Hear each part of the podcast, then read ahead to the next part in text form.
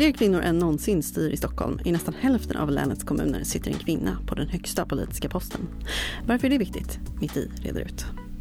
Och mer kvinnor ska det bli så här lagom till internationella kvinnodagen. Det handlar om GT Söders damlag i Farsta som tagit sig till den högsta handbollsserien i Sverige som första Stockholmslag på flera år. Vår reporter har träffat laget. Och så ska det handla om annorlunda krogrundor. Allt om Stockholm har testat att festa som på förbudstiden. Du lyssnar på Mitt i Stockholms nyhetspodd Stockholmspodden. Jag heter Johanna Kempe. Välkommen!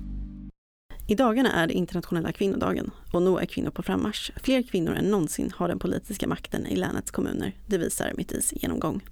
I 11 av 26 kommuner är det kvinnor som är kommunstyrelsens ordförande. Maria Gramer, nyhetschef på Mitt i Stockholm, du är med mig här i studion. Hur kommer det sig att det ser ut så här just nu? Mm, eh, om man ska titta på vad statsvetaren Maria Lemne säger, eh, hon är knuten till Södertörns högskola, eh, så är det här inte ett politiskt fenomen. Nej. Utan det här är att kvinnor kommer på bred front i styrande positioner. Det är det vi ser. Mm, det, det ligger i tiden. Precis. Eh, men hur ser det ut i kommunerna? Det är 11 av 26 kommuner där kvinnor styr. Men finns det något, några som sticker ut på något sätt? Ja, Stockholms stad till exempel. De har en lång tradition av att ha kvinnliga eh, nu höll jag på att säga högsta höns, det menar jag inte. eh, mäktiga kvinnor. Mäktiga kvinnor i styrande positioner. Eh, Anna König Järlemyr som är finansborgarråd nu efter valet. Hon har tagit över efter Karin Vangård till exempel. Mm. Eh, och det finns också Annika Billström. Det har varit flera stycken i Stockholm helt enkelt. Men hur ser det ut i de andra kommunerna då? Mm. Eh, I Danderyd och Vaxholm till exempel mm. eh, så är det första gången som, som de har kvinnliga eh, ordförande. Riktigt historiskt val de andra ord. Riktigt historiskt. Eh, Hanna Bokander, hon är moderat i Danderyd. Eh, hon säger själv att det är ett glastak som har spräckts. Mm. Och varför är det då viktigt då att kvinnor är, med och tar makten? I en demokrati eh, ska såklart, eller en demokrati ska ju såklart spegla hur samhället ser ut i, i stort. Mm. Och där är det ju hälften kvinnor, hälften män. Mm. Kan det också påverka eh, andra eh, och medborgarna hur vi, hur vi ser på, på makt? Mm. Eh, det blir förebilder såklart. Det är ju riktiga människor som, som, som, som pratar och driver frågor. Mm. Eh, och det är klart att, att det måste påverka och ändra hur folk ser på Se, se, på politiken. Ja. ja. Mm. Eh, om, man, om vi jämför då eh, Stockholms län med, med resten av landet. Hur, hur, ser det ut? Är vi så jämställda som vi tror? Vi är faktiskt det. Berätta mer. Eh, I, de har, när de har tittat på hur det ser ut i landets 290 kommuner mm. Eh, så vid förra valet så var 108 eh, av landets kommuner hade kvinn, kvinnliga styrande. Mm. Det gick ner i senaste valet. Okay. Men i Stockholm så blir det tvärtom. Mm. Så det är en positiv trend i Stockholm ändå. En positiv trend i Stockholm. Mm. Roligt. Tack så mycket Maria Gramer för att du kom till Stockholmspodden och berättade om Stockholms mäktiga kvinnor. Tack. Nu har det blivit dags för ett nyhetssvep med nyheter från mitt i under veckan som gått med Rickard Ekman. Det är helt fullt på Stockholms häkten. Beläggningen ligger kring 100 och det är principen en in, en ut som gäller. Intagna får dela cell eller bo i besöksrum i väntan på en plats. Enligt Fredrik Wallin, chef på häktet i Huddinge, är överbeläggningen värre än den varit tidigare och beror på att polisen blivit effektivare samtidigt som fler brott leder till obligatorisk häktning. Sex värnpliktiga och en anställd vid Försvarsmakten skadades när en stridsbåt körde in i en kaj i tisdags. Olyckan skedde i samband med en militärövning vid ön Lådna i Värmdö kommun när besättningen skulle öva på att gå i land via kajen. Samtliga skadade fördes till sjukhus varav två flögs med räddningshelikopter till Karolinska. På onsdagen uppgav Försvarsmakten att alla sju hade fått lämna sjukhuset. Av de 300 personer som enligt Säpo rest från Sverige till IS-krigsdrabbade områden i Irak och Syrien sedan 2012 har 19 återvänt till Stockholm. Av de 19 personerna är 10 vårdnadshavare och totalt har 38 orosanmälningar avseende deras barn lämnats till ansvarig stadsdel. De berörda barnen har, så vitt Stockholms stad vet, hela tiden varit i Stockholm och inte vistats i konfliktområdena. Arbetet med återvändarna ska vara koncentrerat till stadsdelarna Rinkeby-Kista och Spånga-Tensta. Roslagsbanan är sämst av alla lokaltågen i Stockholm. Det är i alla fall det tåg som har flest inställda avgångar och dessutom presterar sämst under vintern. Det visar Mitt Is granskning. I granskningen jämförs hur många avgångar som ställts in på Roslagsbanan, Saltsjöbanan, Nockebybanan och Tvärbanan under de senaste tre åren. Och Roslagsbanan sticker ut. Under samtliga år stod den för runt hälften av alla inställda tåg trots att Roslagsbanan bara står för runt 30 procent av lokaltågens totala antal avgångar. Lidingöbanan ingick inte i jämförelsen. Och det finns fler kvinnor i Stockholm som är beredda att ta makten. Det handlar om handbollslaget i GT Söder, förslaget som nyligen tog sig upp i högsta ligan trots ganska dåliga förhållanden. Jonna Andersson, du är reporter på Mitt i Söderort och har träffat lagkaptenen Jasmin Domonji. Eh, vad är det som gör det här till en sån bragd? Nej men först och främst är det väl grejen att, att de tar klivet upp i högsta ligan och är första Stockholmslaget på, eller ja, sedan 2015 som spelar i högsta ligan eh, i handbollsvärlden. Liksom. Så det i sig är ju en väldigt stor grej. Mm, mm. Och, men, men sen är det också så att det skiljer sig ganska stort förutsättningarna mellan eh, för herrar och damer i, i idrottsvärlden. Så är det och så ser det ju nästan ut i oavsett sport, höll jag på att mm. säga. Eh, men när det kommer till, till handbollen eh, och GT Söders förutsättningar så, så har ju de inga jätteförutsättningar att jobba med. De spelar i en väldigt liten hall, mm. eh, har dåliga träningstider, får inte sina kläder tvättade vilket bara, det kan låta banalt men, men att få komma till träningen och det alltid finns rena kläder det gör otroligt mycket. Det, det skulle vara skönt kanske? Ja, vad, vad säger Jasmin om det här då? Eh, nej men för henne som så många andra kvinnliga idrottare som lever i den här världen så är det ju normalt liksom.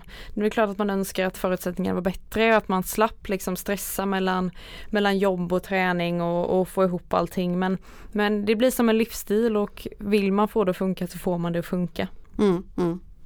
Eh, GT Söder har också en ganska så känd eh, tränare om jag har förstått det rätt. Eh, vem är det? Vagge Sjölin heter ju han eh, och om jag inte minns helt fel nu så började han spela i Tyresö. Får vi se om jag blir halshuggen här nu och säger fler, fel moderklubb men jag tror att det är Tyresö. Eh, och, och har efter det spelat då i, i eh, flera olika klubbar i Sverige men även utomlands eh, och är ett gediget handbollsproffs kan man ju säga. Mm. Mm. Och han blev också lite förvånad när han blev då tränare för den här damklubben. Ja, det här är hans andra säsong som, eh, som tränare eh, och han och jag pratade lite om det här med vilka, vilka liksom fördomar man har och, och lite så. Mm. Och när han såg tillbaka till, till sin karriär som spelare och mindes matcher som han såg eh, där damerna spelade eh, så, så pratade han om att han inte riktigt förstod Alltså besluten som spelarna tog på planen förstod han inte riktigt. Han, han sa inte rakt ut att han tyckte att de var dåliga Mm. Men underförstått så var det ju liksom eh, lite, lite så som han syftade på. Mm. Eh, och han hade ingen förståelse för hur det kunde vara på detta viset då. Mm.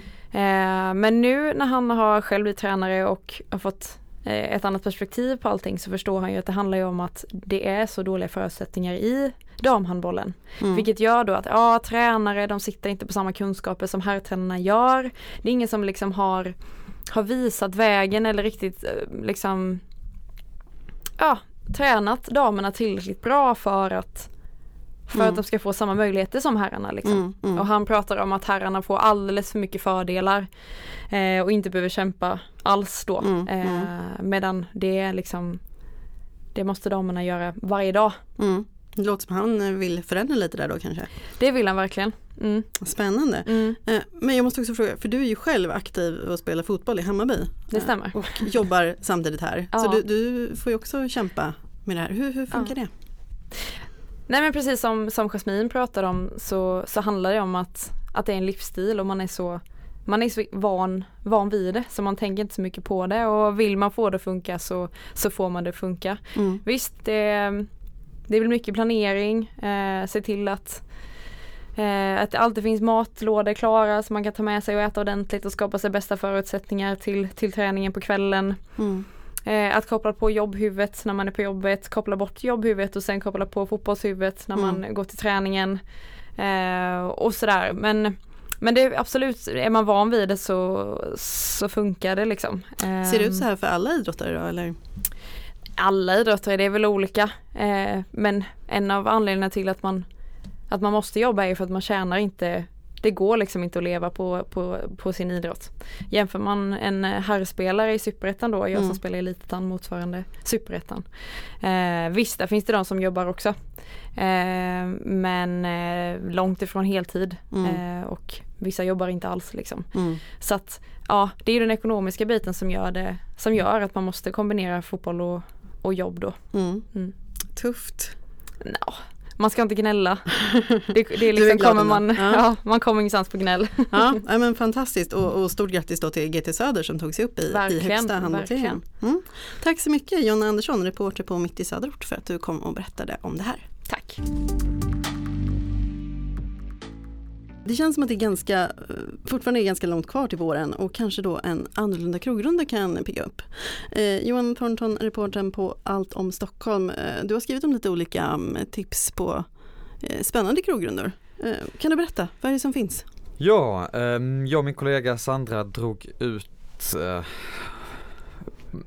på ett konceptuellt sätt kan man säga. Det vi, vi, hittade, vi gjorde tre olika eh, barrundor. Antingen den klimatsmarta krogrundan, man kan gå till lite exotiska barer i stan istället för att flyga iväg. Få lite utlandskänsla mitt i Stockholm. Ja, förhoppningsvis. Man kan ta på sig en hawaiiskjorta och eh, beställa in lite fruktiga drinkar och eh, drömma sig bort kanske. Det låter ju underbart. Var kan man göra det här någonstans då? Ehm, Ja, man kan gå till Tiki Room till exempel eller Paradiso på Timmermansgatan. Eh, kanske till Surfers om man vill åka till en paradisö som ligger lite närmare än Karibien. Det är ju ett gotländskt ställe från början. Men det roligaste var nog när vi gjorde en eh, förbudstidsbarrunda. Då gick vi alltså till eh, lite olika barer i stan som har 20-30-tals tema. Det var väldigt konceptuellt och eh, ganska kul. Då kan man kanske klä ut sig om man vill. Eh, eller bara dra dit och eh, dricka drinkar som är inspirerade av förbudstidens Ja men vad Amerika. spännande. Vad, vad, vad dricker man då? Ja, men då dricker man ganska mycket rom tror jag. Verkar som. Det gör man i och för sig också på de, den klimatsmarta. Det gäller att gilla rom alltså? Det gäller att gilla rom helt enkelt om man ska dricka konceptuellt.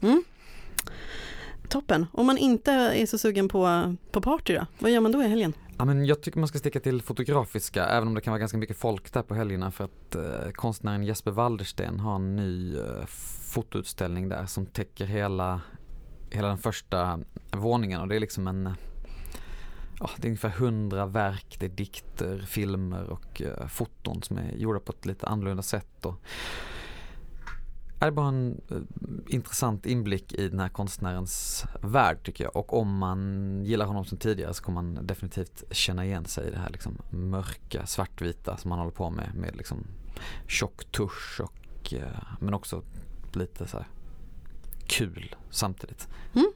Spännande. Har du något annat tips? Kanske att man kan besöka Fåfängan som öppnar igen. Alltså eh, den här restaurangen som ligger längst ner på Östra Söder med utsikt över hela stan. De har, Just det, ny, den de har ny brunch och de lovar att den här brunchen ska vara lika bra som, som utsikten. Det har varit lite trött där tidigare så det, det är ändå mycket, ganska mycket att eh, leva upp till. Men eh, ja, vi får se. Det, kan, det tycker jag är ett tips i alla fall. Mm. Kolla in det. Toppen. Stort tack för det Johan Thornton, reporter på Allt om Stockholm. Tack själv. Du har lyssnat på Stockholmspodden, en podd från Mitt i Stockholm med mig, Johanna Kempe. Glöm inte att prenumerera så missar du inga avsnitt. Gå gärna in på vår sajt mitti.se för att läsa fler nyheter från Stockholm. Tack för att du har lyssnat.